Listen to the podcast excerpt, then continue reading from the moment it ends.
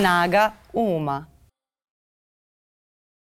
Dobar dan, dragi ljudi, dobrodošli u podcast Snaga Uma, ja sam Miljana. Mi ovde iz ponedeljka u ponedeljak nastojimo da, raz, da razgovaramo u skladu sa inspiracijom, u skladu sa raspoloženjima, e, baš onako kako i vi možete da razgovarate sa zanimljivim ljudima iz svog okruženja, kroz ideje, e, kroz učenje, o svemu što nas okružuje. A danas e, imam tu privilegiju da ugostim ponovo sudiju Mišu Majića, koji je bio i jedan od prvih gostiju ovog podcasta pre dve godine kada smo krenuli i zaista mogu da kažem da nam je doneo jednu dobru sreću, a nedavno je i napisao njegov novi roman Rudnik, koji me potpuno oduševio i to sam ga ovako čitala u ovom jednom periodu koji mi je bio prilično onako trom i spor i sve i nešto stalno sam bila umorna, a onda sam uh, se dohvatila te knjige koja mi je potpuno onako razbuktala maštu i pokrenula razmišljanje na mnoge teme, e, tako da se danas veoma radujem uh, da razgovaramo o, sva, o svačemu nečemu što nam se dešava i o svim mojim inspiracijama koje ste razbudili uh, u novom romanu.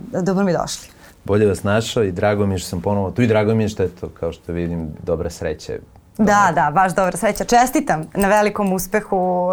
Hvala. Ja sam, dakle, čim sam, čim sam uspela da, da, da dođem do knjige sam je uzela i videla sam da je već drugo izdanje, što znači da je prvo bilo raspored, da to ne znam kojom brzinom svetlosti. E, vaš treći roman Rudnik, mislim da je već bestseller, kao i prva dva. E, da ne bismo sada ulazili u, u detalje i da ne bismo kvarili e, ljudima koji još uvijek nisu pročitali knjigu, neću da ulazim u detalje dalje radnje, ali uh, ono što je meni palo na pamet kao dobar povod i dobar, uh, dobar povod za, za razgovor i dobra tema uh, jeste to naše navikavanje na nepravdu što je jedan od motiva i u romanu i ta jedna od čuvenih rečenica, ono što danas smatramo tragedijom, vrlo brzo nam postane rutina. To smo videli i u koroni, to viđemo i u svakodnevnom našem i političkom i ovom drugom životu gde nam je danas nešto šokantno, a sutra nam postane smešno kako nam se brzo ti pragovi menjaju. Pa me zanima koliko ste o tome razmišljali e, i kako gledate na taj fenomen. Svakako da da. Ja naravno u svu opasnost da zazvučim kao neko ko se bavi psihologijom, psihijatrijom, a ne bavim se, bavim se samo posredno kroz svoje osnovno zanimanje sudije dosta drugujem po prirodi stvari sa našim veštacima koji se bave ovom oblašću.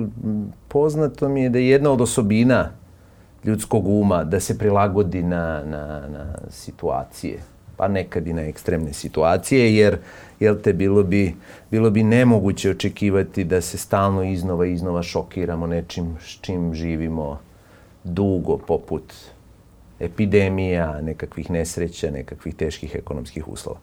Međutim, ono što mene kao ipak neko ko se prvenstveno bavi društvom, socijalnim tim aspektom i njegovim, u mom slučaju, mog posla, patologijom, posebno zanima i kroz ova neka dela koja van, van osnovne profesije pišem, to je kako e, naši, pa i ako hoćete i svetski vlastodržci, taj podatak o tome da se ljudski um prilagođava koriste za manipulaciju. I kako nam oni e, često, ako uzme, uspemo da se malo izmaknemo i da pažljivo osmotrimo ambijent u kom živimo, kako nam oni, i kad ne postoje epidemije, i kad ne postoje ratovi i nesreće, te nesreće, ratove, epidemije stvaraju veštački ili pretnje njima, da bismo se navikavali postepeno na tu vrstu tenzije, pa onda u zavisnosti od toga šta im je cilj, da li se pojavljivali kao heroji spasioci koji nam sklanjaju te inače nepostojeće probleme, da li neki drugi koji će povremeno još dodatno podgrejati stvar pa nas neki, u neke od tih problema uvesti. Ta, ta vrsta tog socijalnog eksperimenta mene posebno zanima, naravno kao što me zanima i reakcija, reakcija ljudi na njih. I naravno da se ljudi privikavaju kada predugo živite u, u, u tim strahotnim medijskim manipulacijama kojima smo mi izloženi, u toj gotovo do nedavno neverovatnoj količini laži i, i, i iskrivljenih ogledala, da onda, da onda reakcija tela može biti ili momentalno oboljevanje, ili pretvaranje, ono što ja i u romanu na neki način nazivam uh, ove, ili što, što, što se kolokvijalno kaže, ili pokušaj da se jedno makar vreme pravite ludi i da ne vidite, i da ne vidite to što zapravo vidite. A, a kako to izgleda u praksi? E, da li vam se dešavalo da u sudnici vidite da su neki ljudi odustali od prava koje im pripadaju ili koja su im juče pripadala? Ja to često gledam u novinarstvu, do koje mere se ta granica pomera. Kako da ne? Pa to vam je samo druga strana iste ove, ove uh -huh. priče o kojoj pričamo. Ljudi su predugo na ovim prostorima naročito čini mi se učeni gotovo da im ništa ne pripada. Da, da je sve što i ako dolazi, ovaj, uslovno rečeno, dobro, da dolazi od strane države, odnosno vlasti, a ako toga nema, da toga nema zato što im to i ne pripada po prirodi stvari i vi vidite da je, e, kako se i ti mentaliteti stvaraju kroz dugogodišnje ponavljanje određenih obrazaca. Vi vidite da je ono s čim se srećem i ne samo u sudnici, nego i kroz gomile tih putovanja i druženja sa ljudima po različitim delovima ove zemlje, vi vidite mahom, nažalost, to moram da kažem, poluuplašene ljude, ljude, ljude, ljude skromne u, u ispoljavanju, koji, koji prilaze, ja to često osetim i onda ih zamolim neretko da makar u, u kontaktu sa mnom ne prilaze tako. Da, da, da ljudi koje vide na televiziji ili u nekakvom javnom životu doživljavaju već u samom startu kao nekakve polubogove koji mogu odlučivati o nekakvim njihovim životima, što je nešto zašto su oni trenirani očigledno iz, iz medijske sfere. I onda im, ovaj, ja, ja u, uvek kažem, nemojte, molim vas, pogotovo ne nekakva poštovanja, ni ne poznajete me, videli ste me možda par puta, ali nemojte prilaziti ni slučajno sa nekakvim podozrenjima, kamoli s nishodljivoću. Ali vi to vidite kod velikog broja kod velikog broja ljudi, jer je to način na koji su oni trenirani, na koji ih zapravo vlast i politička elita tretiraju da budu podanici, a nikako slobodni i misleći građani koji bi bili opasni po, po bilo kakvu vrstu naročito autoritarnog društva. E, trenira se, dakle, društvo da bude idealno e, e podaništvo za jedan autoritarni model. To znači da sada i ovaj jedan deo stanovništva, pošto, ne znam, neka, neka istraživanja uh, su pokazala kako jedan značajan broj uh, stanovništva u Srbiji uh, više nema poverenje u trenutnu vladajuću strukturu, sada da li je to zbog inflacije ili zbog svega što se dešavalo, bilo je do, dosta se toga dešavalo u poslednje vreme, ali da to nisu sve demokratski orijentisane duše, što bi se reklo, uh, da su to samo ljudi koji više ne mogu da obužavaju tog jednog vladara i sada traže nekog drugog Majića ili koga god, koga će da obožavaju, ali da je isti princip. To je uvek velika opasnost uh -huh. u ovakvim, na ovakvim podnebljima, sa ovakvim mentalitetima i sa ovakvim e, društvenom organizacijom kakva je naša. Uvijek je velika opasnost da vi jedno autoritarno nasledđe koje mi ovde definitivno imamo, ovaj, i pre dugačkog perioda komunističke vladavine, a, a, a nažalost i nakon nje, a, samo menjate tako što menjate lidere koji će se tu pojavljivati, a ne razmontiravate takvu ideju i takav vid organizacije društva. I onda, naravno, ništa niste uradili. Onda ćete nakon jednog autoritarca dobiti drugog autoritarca, ma šta on o tome pričao ranije. Ja iskreno uh, verujem, to nije, to nije nekakav moj uh, politički program, jer sam davno rekao da se politikom neću baviti i ostajem, kao što se vidi na tome. Ali ja iskreno verujem da je čovek uh, stvoren za daleko više od toga da bude broj na glasanju i, i još jedan glas ili šta god bilo u toj mašineriji koja postoji njegovog izvođenja na birališta u, u, u krdima. Ja, ja duboko verujem u individualnost, u, u, u, u, ovaj, u, u stvarnu savršenost svakog bića i e, za mene je bilo kakvo drugačije tretiranje ljudi e, ekstremno nehumano i ponižavajuće. Međutim, upravo na tom nehumanom i ponižavajućem tretmanu se zasnivaju duge, stabilne vladavine. Nema duge, stabilne vladavine bez potlačivanja i unižavanja čoveka. Sad ja pošto nisam podlačila roman dok sam čitala, parafrazirat ću vašu rečenicu jer ne mogu da je pronađem da je pročitam. Imate tu, tu opasku da je dovoljno samo ljude staviti u dovoljno loše uslove i vrlo brzo će se poništiti vekovi napretka. Da li je to ta neka regresija koja se sada nama dešava, da se ne samo Srbija, nego čak i, i Evropa, neke mnogo činilo se stabilnije i demokratije preko noći samo odriču tih napredaka svojih? Kako ne, kažu, kažu to nije moja izvorno rečenica, to su mudri ljudi od mene rekli da, ove, i ona je definitivno proverena i tačna, da se ništa tako brzo ne otopi kao vekovi civilizacije u dovoljno lošim uslovima. Pogledajte bezbroj primera i najveće demokratije, tradicionalne demokratije, pogledajte ljude u nekakvim ekstremnim uslovima, kad dođe do nekakvih eksplozija, terorističkih akata, ratova.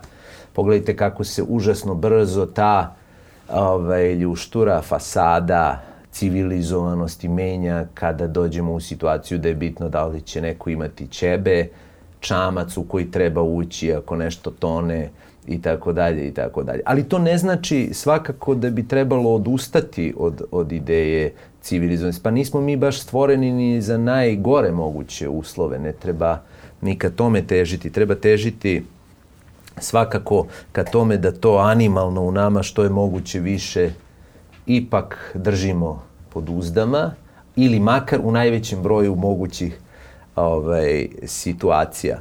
A to je takođe, ponavljam, nešto na čemu se insistira u tim igrama medijske manipulacije, jer se ljudima uporno upravo ti ovaj, e, ekstremne, te ekstremne situacije i ti animalni strahovi usađuju da bi se kod njih izazvala, izazvale reakcije kakve jesu. Pogledajte samo manipulacije potencijalnim ratovima, tem stalnom teritorijalnošću, tom stalnom idejom da su svi oko nas naši vekovni neprijatelji i da je samo trenutak nepažnje dovoljan da nas pobiju, podave, potlače i tako dalje i tako dalje. To su najefikasniji načini manipulacije jer u čoveku rađaju onu izvornu, odbrambenu, teritorijalnu crtu i onda je naravno mnogo lakše manipulisati.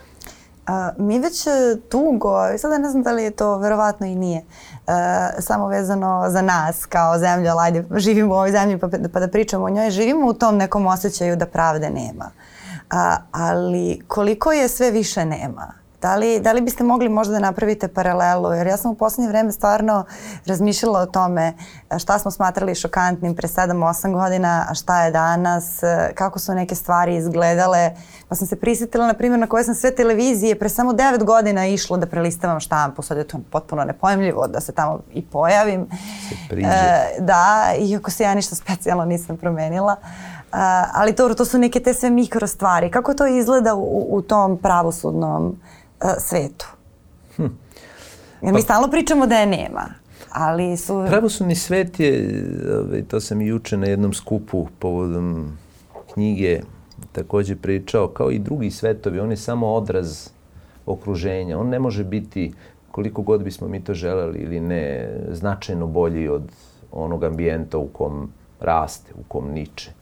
Kao što ni novinarstvo, školstvo i drugi sistemi ne mogu biti u sredini koja jako dugo tone moralno, kako god hoćete, sad nekakav ovaj, Feniks koji se izdiže iz pepela. To, to je nerealno. E, možete imati nešto bolje ili nešto lošije situacije, ali jedno društvo kada jako dugo se nalazi na nizbrdici, uh mhm. -huh. ka, kao što se ovo naše, bojim se, nalazi, onda se i svi njegovi segmenti tom nizbrdicom klizaju.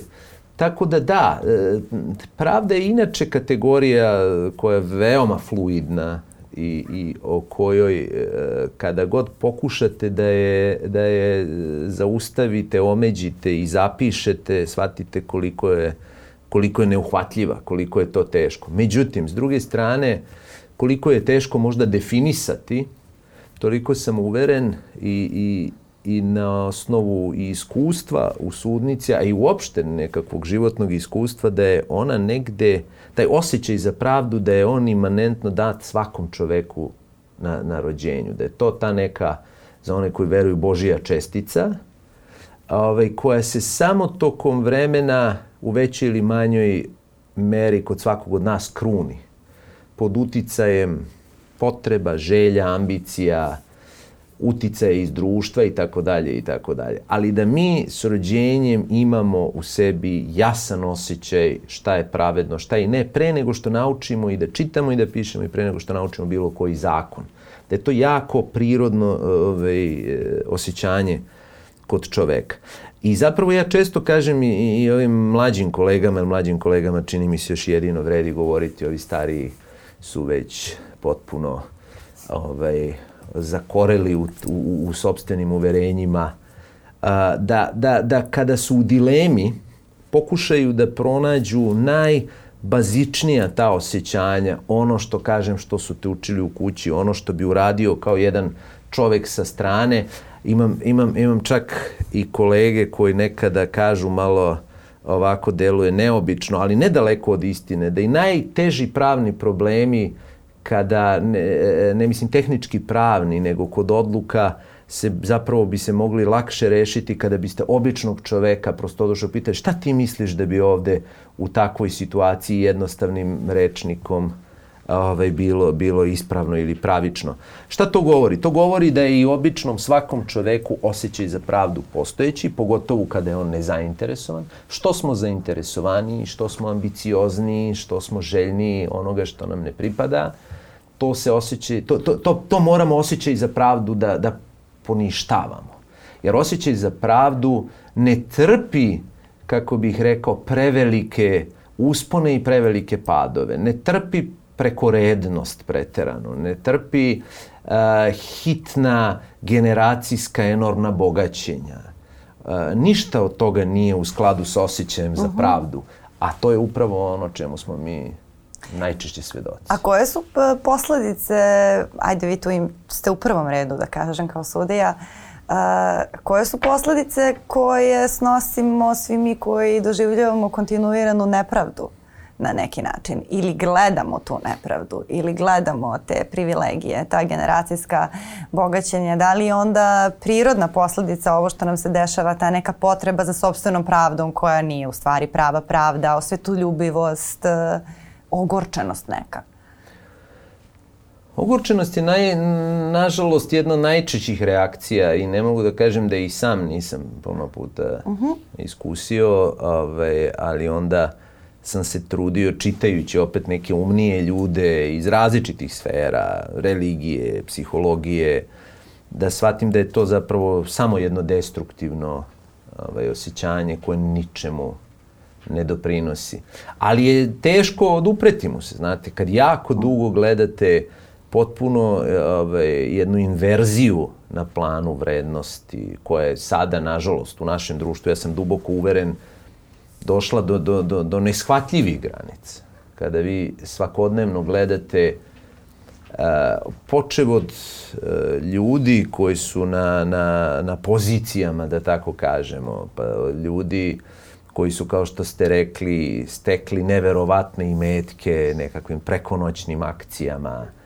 E, nedodirivost pred zakonom e, i pa sve do onoga što nazivam e, najjednostavnije pravljenja svih nas ludima, e, to, to neminovno u nekom trenutku rađa i ogorčenost. Uh -huh. e sad. Kako se ona manifestovala kod vas?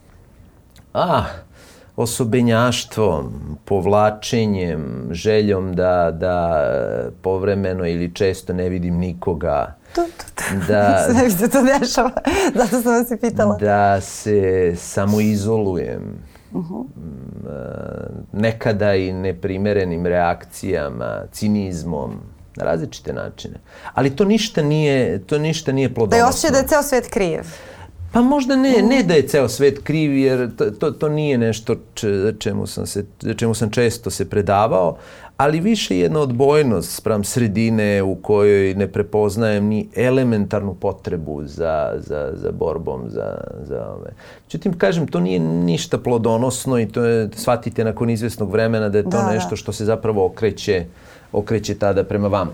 Opet, oni koji mnogo više o tome znaju, ovaj, će vam reći, ja sam se trudio povremeno da ih slušam, da pokušate da taj osjećaj ogorčenosti pretvorite u nešto drugo, ako ne baš ili ako baš ne možete u ljubav, a, sprem i ljudi i okruženja koji potpuno drugačije i mislite nekad i neprimereno se ponašaju, ono makar potpuno prihvatanje takvih kakvi jesu i pokušaj da utičete neagresivno na neki drugi način, da nekakvim sobstvenim primjerom, rečima.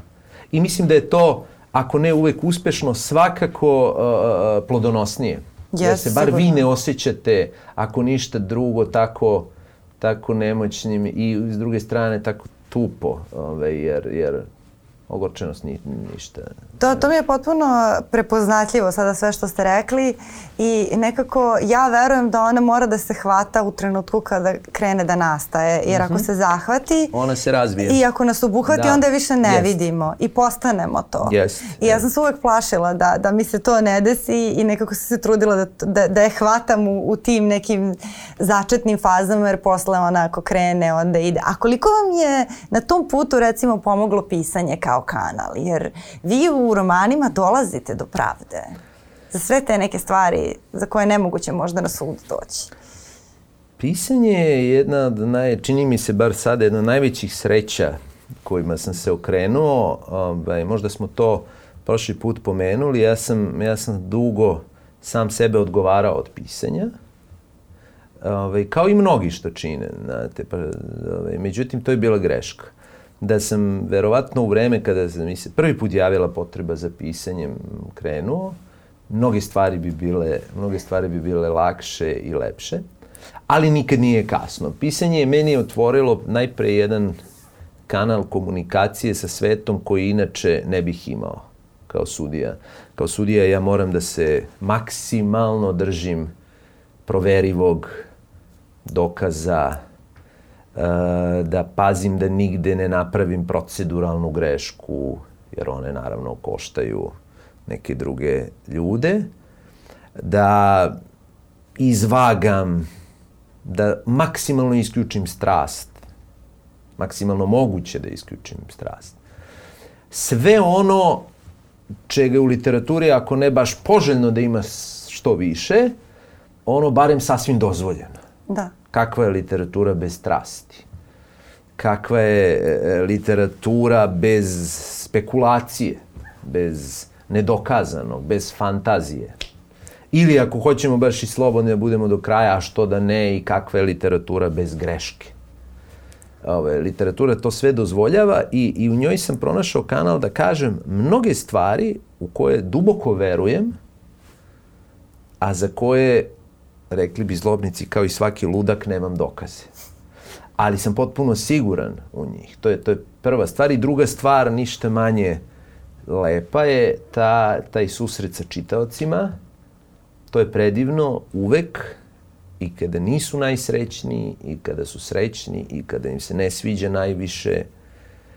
Predivno je videti upravo to. Ljudi misle da je tu najdivnije kada dođu i kada i kao i uče i kao na sajmu dva sata potpisujete knjige. Jer, ne, zaista ne. Ovaj, najdivnije je kada vidite da vaše misli nešto rezonuju kod njih i stvaraju nešto treće. To je, to je najveća lepota kada ja vidim da je ovaj ili prethodni romani, od jednog romana smo na jednom dobili deset romana, i, i nekakve priče ljudi koji su iz toga ispleli nešto potpuno drugo, sa tendencijom da možda jednoga dana neka od tih priča, neko o njoj napiše neku novu priču. To je, to je najlepši deo te druge ove, lepote pisanja. Da, i to je odlična protiv teža svemu ovome Kako što da ne? smo govorili. Kako da ne? Ja bih sigurno odavno uvenuo da sam ostao vezan isključivo mentalno za pravosuđe, ne zato što ja manje volim taj posao, nego zato što sam savršeno svestan da sve ove godine, a pitanje je veliko kad će se i kako one i okončati i da li ću ja i do kraja svoje karijere uspeti da uh, u pravosuđu kojem sam zapravo čitav svoj profesionalni život darovao, uh, pronađem nekakvo svoje smislenije mesto. Jer ja sam, nažalost, ili, ili na sreću, onoga trenutka kada sam počeo otvoreno da pričam o, o, o onome što vidim u pravosuđu, sebe svesno, odmah da se razumemo, osudio na zaustavljanje karijere. Ja često se našalim malo, a zapravo je to potpuna istina i kažem da slučajno nisam sudija bio tada, ili da nisam sada, jer, jer razrešiti sudiju je čak i u ovim društvima um, dosta komplikovan mehanizam. Moraju zaista da ti pronađu da si nekakvu ne, nepodopštinu napravi u kojoj će mi teško ipak, čak i u ovakvim sistemima naći nekakve korupcije, nekakve svesne muljenja sa odlukama i tako dalje, da vas ne gnjevim. Ali da nisam to, da sad sa svom svojom biografijom, e, fakultetima, doktoratima prijavim se za pripravnika u sud, ja sam siguran, nikakvo nije preterivanje da ne bi bio izabran. Ove, tako da o bilo kakvoj daljoj karijeri u ovašnjim uslovima sudijskoj ja ne razmišljam. Ja, ja sam negde, sasvim sam i toga svestan, smetnja ovom sistemu, ovakav kakav jesam. Ovaj, tako da nisam svo vreme imao i pisanje kao neki drugi vid angažmana i mentalnog, ja bih verovatno, ne verovatno, sigurno to sve to neuporedivo teže podne. Uh, ali mi sada uh, i gledamo, recimo, imamo novu vladu u kojoj nekih ljudi više nema, sad kako ste rekli, smetnja. Uh -huh. uh, sve je manje smetnji tih. I nekako biti smetnja ipak postaje sve teže. Znači, kolege iz danasa su, su nedavno dobile vrlo ozbiljnu pretnju nečim što najblaže može da se okarakteriše kao pretnja terorizmom. Uh, onda imamo situaciju da u Skupštini poslanici vladajuće stranke to uopšte ne osude onako kako bi trebalo, nego uz ali, ja sam protiv nasilja ali, za tako nešto. Uh, I onda odjednom e, svi ti pritisci koji već postoje na medije, na primer, na pravosuđe, postaju teži i ono što nam je pre nedelju dana možda bilo šokantno kod te pretnje danas su, ako ovako nastavi, vrlo brzo će nam postati rutina. Postani normalno. Da. Uh, baš u skladu sa onim o čemu smo, o čemu smo pričali. Pa da li to osjećate? Kako da ne? Uh -huh. tu, se, tu se minimum dva, jedna ravan je ovo o čemu vi govorite, da se prag tolerancije podiže, konstantnim pritiskom i sve većim zatrpavanjem, sve gorim prizorima, rečima, postupcima. A drugi, nažalost, možda još opasniji proces o kom se, bojim se, malo govori i malo se prepoznaje, da sve veći broj ljudi pristaje.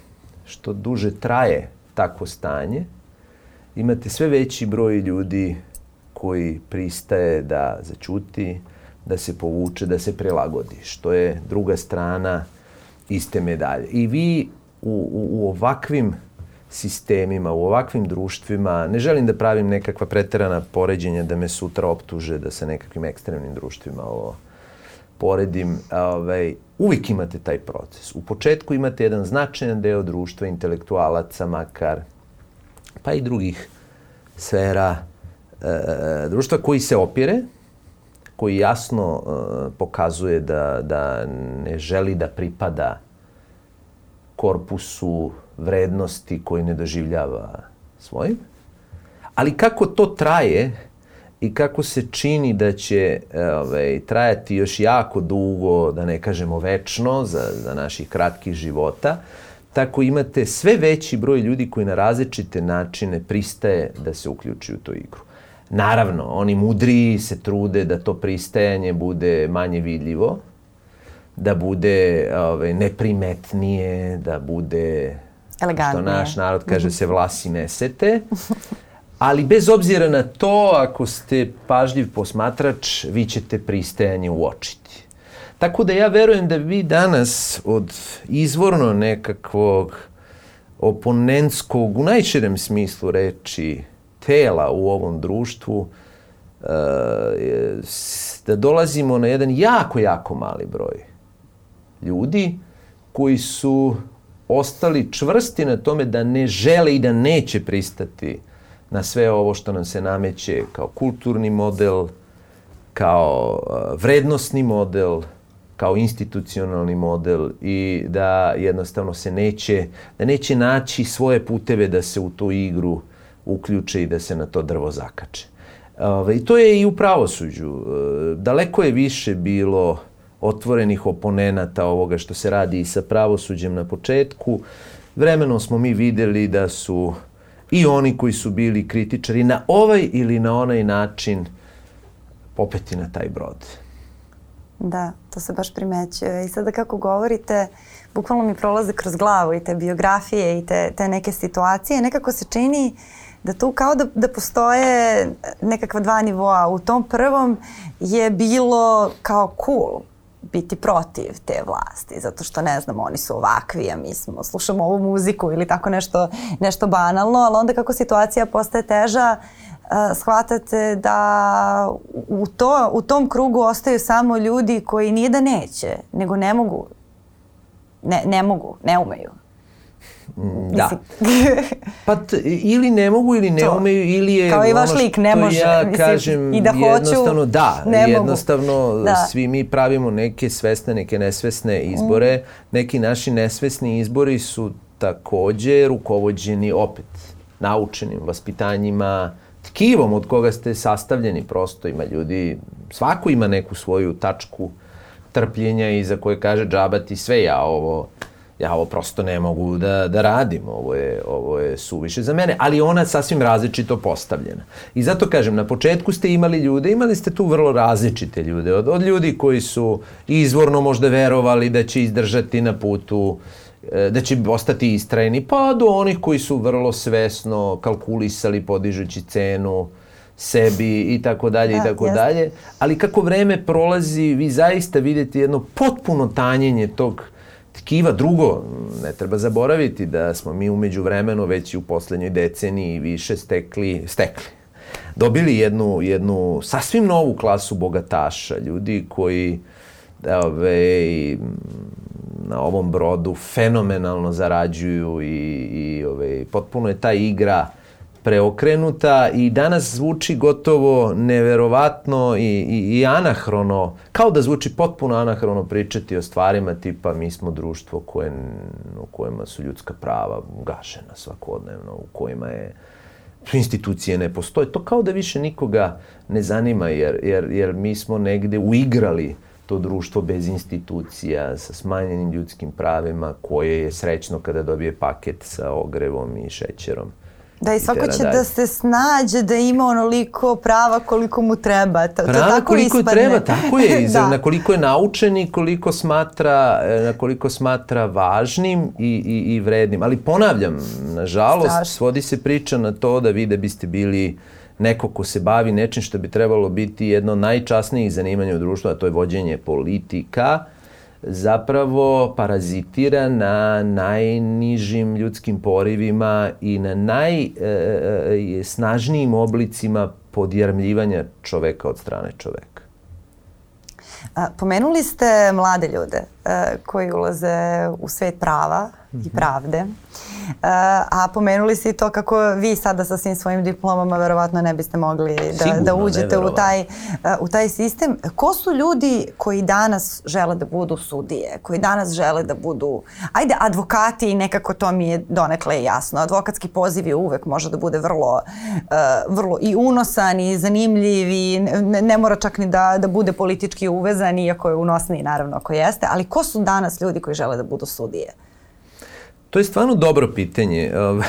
Ko, koji su njihovi to motivi? Sve vremeno sam i sam ovaj, razmišljao malo o tome, rukovođen pre svega prilično poraznom statistikom, a i onim što viđem i na fakultetima na kojima predajem. Uh, da je najpre značajno, značajno opalo interesovanje za, za sudijski posao. Dramatično, rekao bih, opalo interesovanje. Vi danas kad pitate prosečna grupu studenta, a to često činimo, čime nameravate se bavite posle fakulteta, u svakoj većoj grupi na prste možete prebrojiti one koji će reći ja ću biti sudija. I to čak i na predavanjima gde im dovedu nekakvog sudiju poput mene, pa je tu za očekivati da ih malo kao zainteresujete za taj poziv. To je nešto što je potpuno drugačije izgledalo pre par decenija. Sasvim je drugačija bila ta slika, jer je sudijsko zanimanje svuda, pa i kod nas, za pravnike, nešto što je po prirodi stvari među najatraktivnijim pozivima. Najveći autoritet nosi. I sudija, lekar, to i, su, i, da. I, i, kažem, i taj neki opšti autoritet, da kažemo, laički i, i ali i, i za pravnika posebno zanimljiv, jer, jer tu se zaista bavite esencijom pravničkog zanimanja. Međutim, ovaj, to je meni još jedan samo od pokazatelja. Naravno, puno je razloga zašto je, zašto je ta profesija degradirana i u očima mladih, ali to je za mene samo još jedan od pokazatelja patologije e, kojim se ovo društvo kreće. Znači, ako vama najrespektabilnija zanimanja postaju najneinteresantnija u jednom društvu, to naročito na dug rok ne može da dovede do sreće u, u, u društvu. A, naravno da je dobro i uvek je bilo vreme radi inter, interesovanja za advokatski posao u okviru pravničke struke, ali recimo nikad toliko koliko danas. Međutim, ja se bojim da to nije rukovođeno idejom pomoći ljudima odbrane njihovih ljudskih prava, nego jednom jednom generalnom percepcijom među mladim ljudima da se tu najpre i najlakše zarađuje veliki novac, koji je apsolutni bog u, u, u, u toj, e, pogotovo u mlađoj populaciji. To vidim e, ne samo kod tuđe dece, nego i kod svoje. I, i kada sednem da pričam sa njima, ubrzo postanem svestan da, je, da su sadržaji kojima su oni izloženi, takvi da ovaj, e, je apsolutni prioritet i mera uspeha, ali isključivo novac, i, i pre izvesnog vremena sam imao jedan pa gotovo komičan razgovor sa svojim srednjim detetom, svojim mlađim sinom, koji je e, onako iskreno bio, bio pogođen kada je shvatio da čitav moj, kako oni to zovu, net worth, nije ni milion evra. I, i, I kada sam ja pokušao da mu objasnim šta je uopšte taj novac ukoliko čovjek planira da ga pošteno zaradi i da, da li je uopšte i moguće u velikom broju slučajeva to on je ostao zapanjen jer su oni izloženi pričama nekakvih tiktokera, youtubera koji svi vrede nekoliko miliona evra ili se predstavljaju da vrede. Ogromna neka, ogromni neki novac se u priči okreće i njima zarada od nekoliko miliona pa na više evra postaje apsolutni životni prioritet. I onda se samo bira profesiju u kojoj će se to najbrže ostvariti. U, da, to je u Srbiji posebno problematično. Jer ajde u nekim zapadnim društvima je Mislite vi... ostvariti da. ili nije? U Srbiji se to dosta izgleda lako Ne, lako, učini. lako, je, lako je zaraditi milion evra. Mislim, Uđete ove, u nekakve Da, bukvalno. Sad da prekinemo snimanje, da okrenemo nekoliko brojeva telefona, da Tako napravimo je. nekoliko Tako dilova. Ove, ali e, ne, ne mislim na to, mislim na, na, na tu činjenicu da vi kao hirurg vrlo teško u Srbiji možete da zaresem ako baš imate i osjećaj za biznis pa pokrenete svoj svoju bolnicu koja je ne znam kakva, ali opet i tu teško bez nekih... Ne, tu nema, vidimo kako se pokreću bolnice. Da. Ali opet se vraćam, izvinjam se samo da, zamislite vi sada društvo i njegovu budućnost u kojem je potpuno neatraktivno biti hirurg, da. sudija, profesor, dirigent.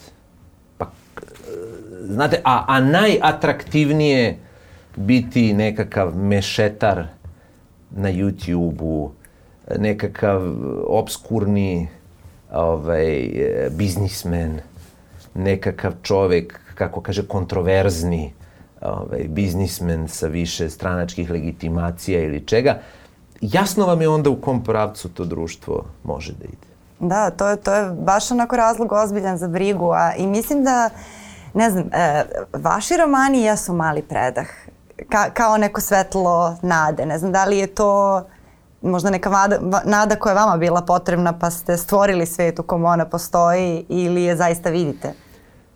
Pa da, samo ne treba zavarati oni koji ih nisu čitali, nisu oni ni malo ružičasti ovaj, u, u, da. u, u smislu tog nekakvog ovaj, e, lažno, davanja nekakvog lažnog optimizma. A, možda su optimistični, možda ste u pravu u toliko što uh, u njima zaista te neke, ne neke potrage za tim vrednostima poput pravde, istine, borbe protiv zla a, a, postoje. I možda su u tom smislu interesantni zato što čini mi se, ja se trudim da pratim i ovu spisateljsku scenu i kod nas i u regionu, Oni zaista tangiraju neke teme koje, su, koje se prilično izbegavaju od strane.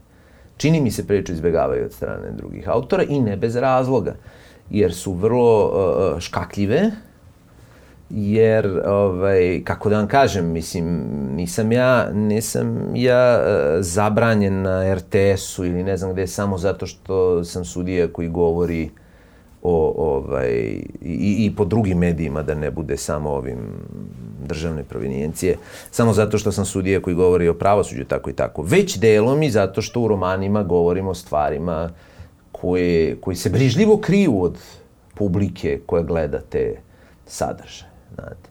Ako u romanima govorim između ostalog pojedinim ratnim zločinima, a, diskriminatorskom odnosu sprem određenih etničkih grupacija u ovom društvu ili pak ovaj, nekakvoj, nekakvom prikrivanju i, i, i sklanjanju pod tlo zločina raznih vrsta, onda je to tema koja prosto nije poželjna i ja sam toga savršeno svestan.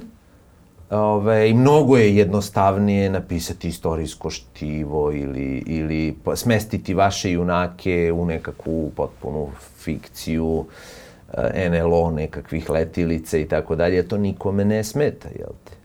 To ne, ne, ne remeti stvar, naravno ako ne date nekakve metaforičke i druge predznake. Ali ovo što je direktno povezivo, sa zlom koje se emituje u, u sredini u kom živimo je svakako u startu osuđeno na cenzuru, koji sam to naravno izložen. I sada kad ste, kad ste pomenuli tu, uh, tu celu sliku uh, u kojoj na neki način živimo, uh, vi ste u romanu skrenuli pažnju Možda ste istakli jedan osjećaj e, koji je prilično prisutan e, u našem društvu, a to je da neki vredimo manje. Mm -hmm. Jednostavno. Da li, da li zbog tog novca ili zbog stava ili zbog toga što živimo tamo negde daleko, ali postoji taj osjećaj. Pa mi, nažalost, imamo više linija razdvajanja te vrste u ovom društvu. Mm -hmm. Jedna je ona koje, od koje nisu ove, lišena ni, ni mnoga druga, rekao bih, ove, razvijenija u svakom smislu društva, a to je, nažalost, linija razdvajanja ovih ljudi koji su gotovo nevidljivi u ovom društvu, a to su ljudi koji ekonomski ne uspevaju da se izbore sa svim što život nosi, koji su na, na svakakvim marginama, druga su opet određene etičke populacije, jedno od njih je po, po, posvećen moj drugi roman Ostrovo Pelikana, to je romska populacija koju mi u sve silne proklamacije i izjave uopšte ne primećujemo pored sebe. Ali ono što se, što se poslednje decenije i više, rekao bih, kao nikada do sada, u, u, danas je popularna ta kovanica u novijoj našoj istoriji, čini mi se ne vidi u toj meri, to je ta jasna podela na, na one koji pripadaju nekakvom mainstreamu ovoga društva i nas koji ne pripadamo tom mainstreamu.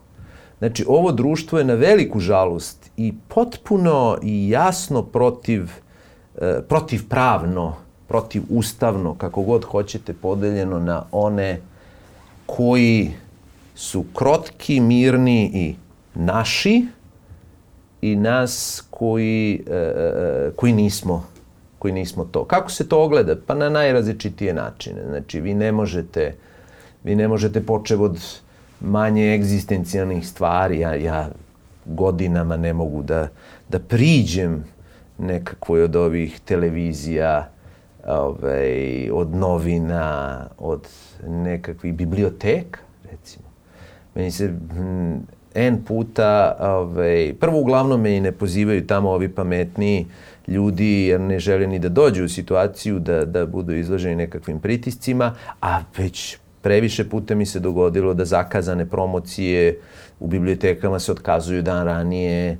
Nekada se to pravda nekakvom ovaj, stogodišnjom poplavom, nekada, a evo poslednji put i direktno objašnjenjem da je svrha stigao pritisak da vi tamo niste poželjni. To sad mogo bi do sutra da vam nabrajam primere gde vi sve osjećate da ste Osjećate nepoželjni Osjećate kad se razbolite da građanin. da niste sigurni da li će sad biti okej okay, ako nemate prijatelje u ako, ako niste deo neke mreže, ne možete da budete sigurni da li ćete dobiti šugu ako odete u bolnicu pa, na najbazičnijem nivou. Čak da ne morate kažem, biti ni Da, srećom izložen. ja još uvijek imam mm. dosta nekakvih od ranije e, prijatelja kojima bi se obratio u takvoj pa, situaciji za svoj pomoć. sistem. Ali, da. ali je tragično da vi osjećate da u sobstvenoj državi mm. koja u nekom trenutku vam poverila tako važan posao kao što je da sudite drugim pripadnicima sobstvene vrste, vas svi ovi deo tog sad birokratsko državno partijskog aparata i svi njima pridruženi gledaju nešto ispod oka kao nekakav teroristički element. I to je mnogo smešno, a i tragično, ali to su valjda te naša balkanska pravila. Ja sam nedavno, kada su me u Crnoj Gori pozvali da ref, učestvujem u delu reforme njihovog zakonodavstva, uh -huh ovaj, e, rekao na jednom skupu koji je priređen bio u tom čas, gde su najviši zvaničnici bili pozvani od predsedice Skupštine, dobre, gde, gde oni svi, Bog zna kako, izražavaju svoje zadovoljstvo i, i počastvovanost što se se prihvatio toga. Ja sam morao da, da im kažem da samo par stotina kilometara odatle ja slovim za državnog neprijatelja i da moraju znati s kim imaju posla i kada su oni onako zdušno ovaj, izrazili kako je to strašno i kako oni uvažavaju mene, e, ja sam morao, u, u, verovatno i u svom stilu, naopake prirode, da im kažem, ali ne lezi vraže, da sam ovde kritikovao vas, ista bi situacija bila. Tako nemojte se preterano ovaj, dičiti i oduševljavati. To je, nažalost, ta naša potreba da, da postupamo kao krdo uh -huh. i da, da tražimo tog uvek goniča i vođu krda, ali tako je. Ali da se osjećate kao građanin drugog reda, da shvatate da sad i vaša supruga koja nosi to prezime ima sve veći broj teškoće ili ona nešto piše, objavljuje, pa i ona sad već ne može na određeni broj, samo zbog prezimena. Stvarno? Pa da, pa kako da ne. Ove, i, onda, I onda shvatite koliko je koliko su te proklamacije koje mi imamo o, ravnopravnosti, o jednakosti, samo slovo na papiru i koliko to u realnom životu nikakvog značaja ovde nema. I sada kako, kako privodimo ovu kafu kraju, e, šta nam preostaje? Da uživamo u književnosti i da nekako, kako znamo i umemo, čuvamo tu sobstvenu moralnu vertikalu koju smo dobili jer samo to imamo. Da, da ne bismo skliznuli u ovu ogorčenost koja nas sve načinje ka, malo Sigurno, po malo. Da. pa svi smo mi živa bića i bilo bi, bilo bi ovaj, besmisleno tvrditi da ne, nemamo ponekad i te impulse. Ali da, ja, ja, ja sam duboko uveren da je jedino očuvanje te moralne vertikale koje imamo spas, sve će proći, sva vremena će proći pre ili kasnije, neka sporije, neka pre, ili što kažu stariji, ovo će se zvati lani, ali je najgore ako tada Ove, ja se često šalim kao što me sada kao od šuge beže od mene i kolege i, i ove sve. Tako će sutra, a, najgore će biti kad oni svi pohrle u vaš kabinet da, da govore kako su u stvari sve godine znali, da tada pomislite, ali ti nisi ostao ispravan u tom vremenu uh mhm. -huh. koje je trajalo. Mislim da je to naj, najteža najtežu kaznu ne, ne nosi ni sudija, ni, ni, ni društvo. Najtežu, ja, ja sam u to duboko uveren, kaznu nosi e, čovjek sam prema sebi. On je sebi najgori sudija. Mnogo vam hvala na ovom razgovoru. Hvala vam. Zaista neki je period jako, jako čudan. Mislim da ste stvarno uneli i hvala vam na ovom romanu i, i na prethodna hvala dva vam. romana. Zato što zaista onako ste u da razbudite mozak iz svakog stanja. A ova jesen je posebna po, to, po toj nekoj i pospanosti, i tromosti, i sklonosti možda da odustanemo, i gubitku fokusa. Mislim da ovaj, svako ko ima problem tog tipa, ukoliko uzme vaš oma, neće imati tih problema, da će se fokus vrlo brzo vratiti i da je to jako dobra preporuka. I baš je dobro što ste ga izdali u, u ovom periodu koji je tako izazovan. Hvala vam. A, a hvala i vama na vremenu i pažnji. E, danas smo ovde razgovarali sa sudijom i piscem Miodragom Majićem. Moja topla preporuka za njegov novi roman Rudnik, ali i za kvalitetne razgovore na, na ove teme, na teme pravde, na teme toga da li se osjećamo ispravno. Mislim da su to razgovori koje u ovom vremenu mogu mnogo da nam pomognu. Ove, ajde da nas vrate sebi, da malo ostavimo mobilne telefone, da se sklonimo od vesti i da čujemo jedni druge. Mi smo tu i sledećeg ponedjeljka. Prijetno!